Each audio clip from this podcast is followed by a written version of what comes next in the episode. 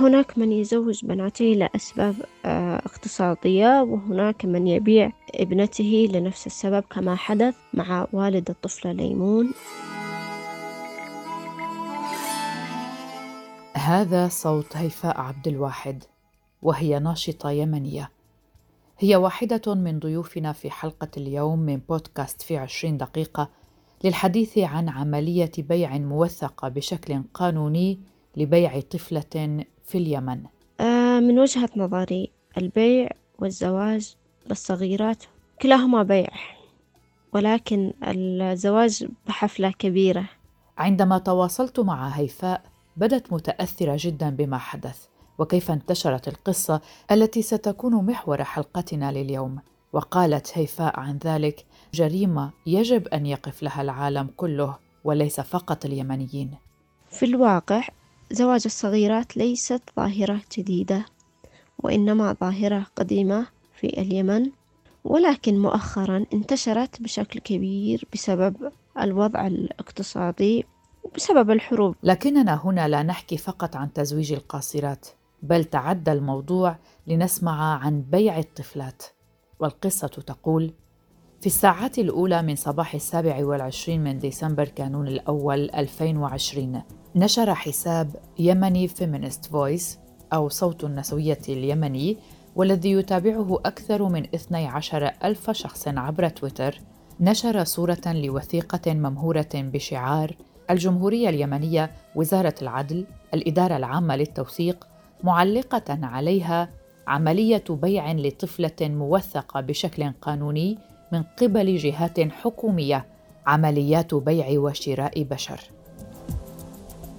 يذكر في الوثيقة أن الأب ياسر عيد الصلاحي قد باع لمحمد حسن علي الفاتكي باع ابنته الحرة ليمون ياسر وذلك مقابل 200 ألف ريال يمني أي نحو 330 دولار أمريكي. دفع نصفها لسداد دين مستحق على البائع لصالح طليقته دون توضيح ما إذا كانت هذه الزوجة السابقة هي نفسها أم الطفل المباعة أم لا. ورغم أن تاريخ البيع المدون في الوثيقة هو الواحد والثلاثين من آب أغسطس عام 2019 أي أن عملية البيع تمت قبل سنة وأربعة أشهر من تاريخ انتشارها قال مغردون إن الوثيقة اعتمدت فقط قبيل تداولها عبر ال social media. وتابع الحساب النسوي الطفلة ليمون تم بيعها من قبل المجرم أبيها وكل من اسمه مذكور في هذه الورقة هو مجرم ومشارك في الجريمة. ولفتت مواقع يمنية إلى أن عمر الطفلة لا يتجاوز الثمان سنوات. أحمد علي صحفي من اليمن. تواصلت معه وسألته بصفته متواجدا على الأراضي اليمنية وكان قريبا من الحدث وتابعه. سألته هل هذه الحالة فردية أم أنها انتشرت على نطاق واسع بسبب السوشيال ميديا ما يعني أنه ربما قد يكون هناك حالات أخرى لم تجد لها طريقا لصفحات الناشطين والناشطات؟ آه يا سيدتي هذه الحالة هي حالة فردية وأنا آه، أؤكد على ذلك ولدي آه، ثقة كاملة يعني بناء على ما أعرفه تماما عن المجتمع في هذه المحافظة وعن ما يحدث في اليمن عموما باعتباري أعمل من الداخل اليمني أنها حالة فردية تمام لها مسببات اجتماعية ولها مسببات اقتصادية. من المسببات الاجتماعية أن هو حصل خلاف أساسا بين هذا الرجل وبين زوجته. أدى الخلاف إلى طلاقهما بعد ذلك طليقته يعني فرضت عليه بعض الأعباء المالية التي ترتبت يعني بناء على الطلاق. فاضطر أن يبيع ابنته. هذا بحسب ما قاله هو وبحسب ما قاله الشخص الذي اشترى هذه الفتاة. تمام؟ الأمر الآخر يقال أيضا أن هذا الشخص يمر بظروف اقتصادية صعبة. بالإجمال معظم اليمنيين يعيشون ظروف اقتصادية صعبة في معظم المناطق اليمنية. لكن هذا آه، لا يدعو أحدا منهم أن يبيع ابنته. ولدرجة أنه عندما آه، ظهرت هذه القضية إلى السطح وتم تداولها عبر مواقع التواصل الاجتماعي اليمنية شكلت صدمة كبيرة بالنسبة للكثير من أبناء المجتمع اليمني. والكثيرون أثاروا هذه القضية وقد وصلت هذه القضية إلى السلطات السياسية في المنطقة وتم معالجتها بطريقة ما وتم حلها. وبالتالي هذا ما يوضح لنا إنه الموضوع عبارة عن مشكلة عن ممارسة فردية وتصرف فردي لا غير وليست ظاهرة اطلاقا. ومن خلال وسم أو هاشتاغ ساعدوا ليمون عبر العديد من المعلقين اليمنيين والعرب عن تخوفهم من أن المشتري سوف يتحرش بالطفلة حتى تكبر ويتزوجها هذا إذا ما بدأ فعلا باغتصابها من الآن ليس فقط الخوف من أن تكون الطفله قد تعرضت للاغتصاب من شارها لهيفاء رأي آخر. بالنسبة لقضية الطفله ليمون والدها قام ببيعها ليسدد ما عليه من دين لطليقته. جريمة بشعة والأبشع من ذلك عندما تم إرجاع الطفلة لوالدها. أنا ضد إرجاع الطفلة لوالدها الذي قام ببيعها لأنه مثلما باعها وهانت عليه ربما يبيعها في المرات المقبلة لنفس السبب البعض سأل كيف يسمح القانون اليمني بإبرام عقود إجرامية مثل هذه؟ فجاءهم رد البعض بأن لا دولة ولا قانون في ظل الفوضى التي يعانيها البلد الذي يشهد حربا أهلية منذ نحو ست سنوات آراء رجحت عدم رسمية وثيقة البيع مع أنه في الوقت الذي دشن فيه نشطاء. عددا من الحملات للتضامن مع ليمون وغيرها من أطفال اليمن لم يصدر في المقابل أي تصريح أو تفسير رسمي لصورة عقد بيع الطفلة المتداولة عبر منصات التواصل الاجتماعي. وتعددت التوصيفات التي صنف بها المعلقون هذه الجريمة بحق الطفلة فاعتبروها اتجارا بالجنس قواده مقوننة قوننة للبيدوفيليا والاغتصاب والبيدوفيليا تعني الانجذاب الجنسي والتحرش الجنسي بالأطفال واعتبروها أيضا اتجارا بالبشر وانتهاكا لحقوق الطفل مشددين على أن الحيوانات ما تسوي كذا بعيالها وهذا باللهجة اليمنية. وتعجب آخرون بشأن دور المنظمات الدولية الفاعلة في اليمن لا سيما الأمم المتحدة بمختلف وكالاتها وأبرزها اليونسكو. أيضا ألقى عدد من المعلقين اللوم على الفقر وتردي الأوضاع الاقتصادية التي تعجز اليمنيين عن الإنفاق وتوفير الاحتياجات الأساسية للمعيشة والاضطرار إلى الاستدانة أو بيع كل شيء لاحقا للسداد فيما رأى كثر أن بيع الأبناء لا ينبغي أن يكون مطروحا ابدا وحثوا على عدم الإنجاب عوضا عن ذلك. تساءل آخرون عن سر بيع الفتاة وعدم تزويجها للمشتري كما هو شائع في الريف اليمني من تزويج الفتيات في سن صغيرة. وذهب آخرون إلى رغبة المشتري ربما باستعبادها للقيام بأعمال البيت بمنطق القرون الوسطى دون الزواج بها وما يترتب عليه من حقوق قانونية. وبحسب الناشط الاجتماعي اليمني يزيد الجداوي أن 75% إلى 80% من مناطق شمال اليمن تعاني من أزمة مالية كبيرة مرجحا أن يكون الأب هو من سرب وثيقة البيع إلى مواقع التواصل الاجتماعي حتى يلتفت المحسنون إلى وضعه ويقومون بمساعدته. وأشار أنه في ظل الفقر المدقع يلجأ بعض الآباء إلى الانتحار أو قتل أطفالهم ثم أنفسهم بعدما يعجزون عن إطعامهم أو سداد احتياجاتهم الأساسية مشيرا إلى أن هذه الطريقة مع اعترافه ببشاعتها واستفزازها قد تكون وسيلة للخروج من الضائقة المالية لا أكثر. أيضا الصحفي أحمد علي كان له رأي قريب من هذا الرأي. بعض النشطاء يقولون أنها الأب يحاول أن يستجدي العواطف. هو أساسا الموضوع آه، يعني حدث من قبل فترة يعني تقريبا سنة وأكثر من سنة. وبالتالي لا يوجد علاقة بين ظهور المشكلة الآن على السطح وبين ما حدث في أثناء بيع الفتاة. المشكلة هذه ظهرت عن طريق الصدفة. أحد النشطاء سرب الوثيقة وصعدت القضية إلى السطح وتحولت إلى قضية رأي عام. تمام هذا الذي يمكنني أن أقوله. لا يمكن أن نحكم على نوايا الأب بشكل واضح وبشكل دقيق. إنما العام والقاعدة العامة التي يمكن أن نتحدث عنها أن الأب قام بذلك نتيجة الظروف الاقتصادية الصعبة التي قد يعيشها ونتيجة أيضا يعني المشاكل الاجتماعية التي يعيشها مع طليقته يعني. هذا ما يمكن أن نتحدث عنه. الناشط الاجتماعي يزيد الجداوي رجح أيضا أن الفتاة لم يتم تسليمها إلى المشتري بعد ونفى أن تكون وزارة العدل وثقت أو شرعت البيع شارحا أن مثل هذه الوثيقة المتداولة من بين العقود التي تباع بالمكتبات وتصرف للأمناء الشرعيين المخولة إليهم مسؤولية تحرير العقود مؤكدا أن ختم مصادقة المحكمة مختلف. واعترض على توصيف الحادثة بالبيدوفيليا والإتجار بالبشر علما أنه أشار إلى أن هذه الحالة ليست الأولى من نوعها. كما شكك البعض في حقيقة القصة مشيرين إلى أنها حيلة من الأب والمشتري للحصول على المال.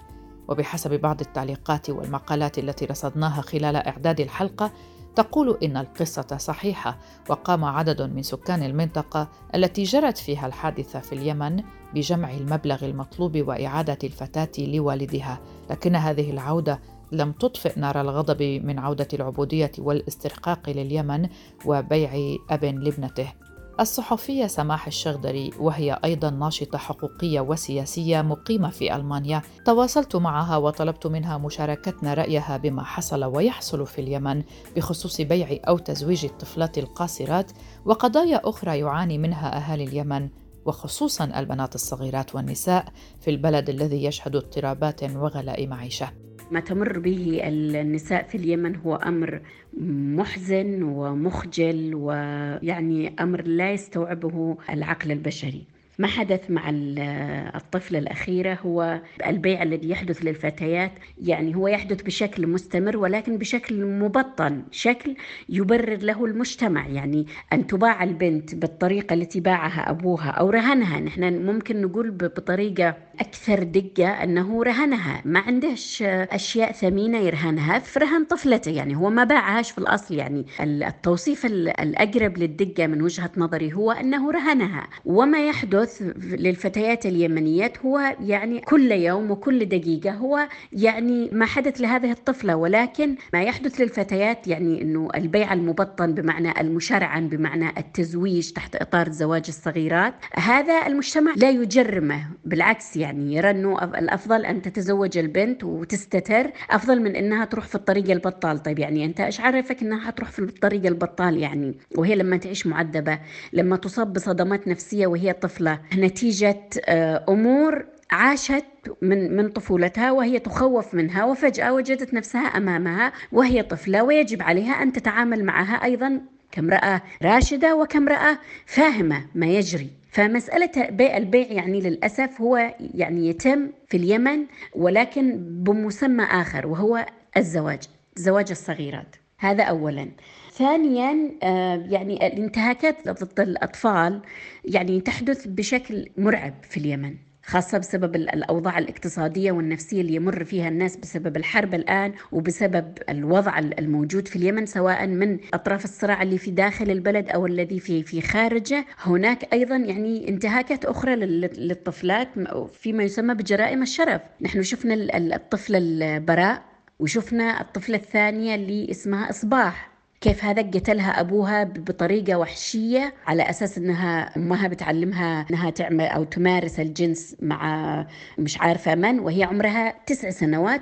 والطفلة الأخرى أيضا أبوها المهندس مهندس الجريمة من آه، دولة أخرى. كان يقوم بمراسلة أولاده ويخطط لهم ويدبر لهم كيف يقتلوها. يقتلوها لأنها بحجة أنها أيضا ارتكبت جرم متعلق بهتك شرف العائلة.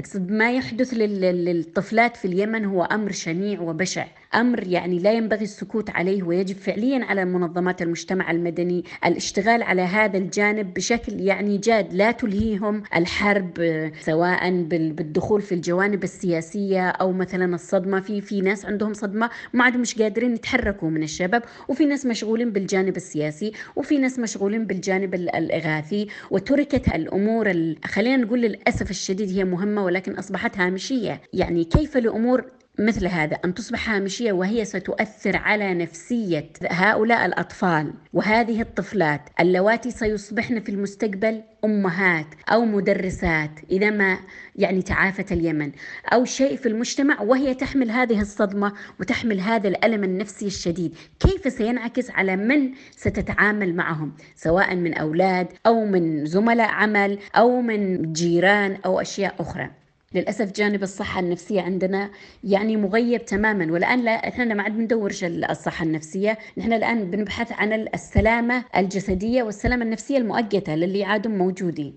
فأنا أتمنى أنه منظمات المجتمع المدني فعليا تقوم بجمع مثل هذه الأدلة والانتهاكات وتشتغل بشكل جاد في حماية الطفلات. للأسف يعني إلى ما قبل الحرب كانت مسألة زواج الصغيرة يعني قد انحسرت لأنه حصل تنمية تنمية ثقافية تنمية مجتمعية خاصة بعد ثورة 2011 لكن الآن بسبب الحرب وطبعا آثار الحرب اللي هو ما فيش رواتب الوضع الاقتصادي السيء الناس يعني ما بيفرغوش الغل والمرض والقهر اللي داخلهم الأهالي إلا بأطفالهم. ففعليا هذا موضوع مهم ونتمنى إنه يتم الاشتغال عليه بشكل جاد ولو إنه أنا أتصور إنه كل أطفال اليمن الآن منتهكين. ليمون ليست الوحيدة. تطابقت آراء منظمات نسوية يمنية في القول بأن حماية الطفلة ليمون تكون بإخراجها من اليمن وهي ليست الأخيرة التي سيتم بيعها ولكنها الوحيدة التي علمنا بقصتها. مطالبين أي المنظمات والجمعيات بتوفير حماية لأطفال اليمن. وعن تلك الواقعة وصف نشطاء المجتمع اليمني بالذكوري حيث تعتبر المرأة إحدى ممتلكات الرجل وله الحق ببيعها وشرائها بالطريقة التي يختارها فضلا عن أنه من يختار مصيرها وملابسها وقراراتها الشخصية من الزواج وصولا إلى الطلاق. وقبل أكثر من نصف قرن أعلن اليمن إلغاء كافة أشكال العبودية بموجب المادة 248 من قانون العقوبات التي تنص على حبس كل من باع أو تصرف بإنسان. استنادا على هذا القانون طالب حقوقيون بتطبيق تلك المادة على كل من الأب والمشتري بينما صعد البعض وطالبوا بإعدام كل من الأب والمشتري ليكونا عبرة لمن تسول له نفسه ببيع ابنته تجدر الإشارة إلى أن اليمن من الدول التي تعتبر الأكثر سوءًا في العالم في مجال حقوق النساء والأطفال، وهو يشهد معدلات مرتفعة من العنف ضد هذه الفئات، وكذلك التزويج المبكر للبنات للتخلص من نفقات الفتيات وكسب الأموال في المقابل. وتكافح أمهات يمنيات لحماية وإنقاذ بناتهن من مصير عانين منه من قبلهن من حوادث بيع الأولاد التي جرت في اليمن في 2020 حادثة مأساوية جرت في مايو أيار الماضي حيث أقدم مواطن يمني يعاني من أمراض نفسية وينحدر من محافظة ريما أقدم على بيع أطفاله الأربعة لشخص من محافظة إب وسط اليمن. وقالت المنظمة اليمنية لمكافحة الإتجار بالبشر إنها تلقت معلومات صادمة عن قيام أحد النافذين في محافظة إب بشراء أربعة أطفال مستغلا الحالة النفسية لوالدهم. وأكدت المنظمة في بيان أن النافذ يرفض إعادة الأطفال إلى والدتهم بحجة أنه اشتراهم في سابقة عبودية خطيرة في المجتمع اليمني يذكر أن والد الأطفال يدعى إسماعيل غالب صالح عبد الله غادر منزله في منطقة بني القرصب في مديرية كسمة بمحافظة ريما قبل عامين وتنقل مع أولاده إلى أن وصلوا إلى محافظة إب. أعمار الأطفال كانت 12 و13 و14 و15 عاماً. تقول القصة بأن الأب عاد إلى منطقته بمحافظة ريما لتفاجأ زوجته ووالدته بعودته وحيدا دون الأطفال وعند استفسارهم أفاد أنه قام ببيعهم ولم يستوعب أحد ما جرى إلا بعد أن اتصل الابن الأكبر البالغ 15 عاما بوالدته ليخبرها بأنهم يتواجدون عند شخص يدعى بكيل صالح الفاطمي في مديرية القفز. وحاولت الوالدة استعادة أطفالها غير أن الشاري رفض إعادتهم بمبرر أنه اشتراهم من والدهم. كما هدد من يطالبونه بإعادة الأطفال إلى والدتهم بقتلهم بالرصاص. وطالبت المنظمة بإنزال أقصى العقوبات بحق المدعو الفاطمي معتبرة السكوت أو التهاون مع هذه الجريمة يمثل وصمة عار ويعرض المجتمع اليمني للخطر. هذه كانت حلقة من بودكاست في عشرين دقيقة. أشكر صديقتي وزميلتي يالا فهد التي شاركتني في الإعداد وأشكر كل ضيوفي الذين شاركوني في هذه الحلقة لليوم. كنت معكم من وراء المايك براء صليبي. إلى اللقاء.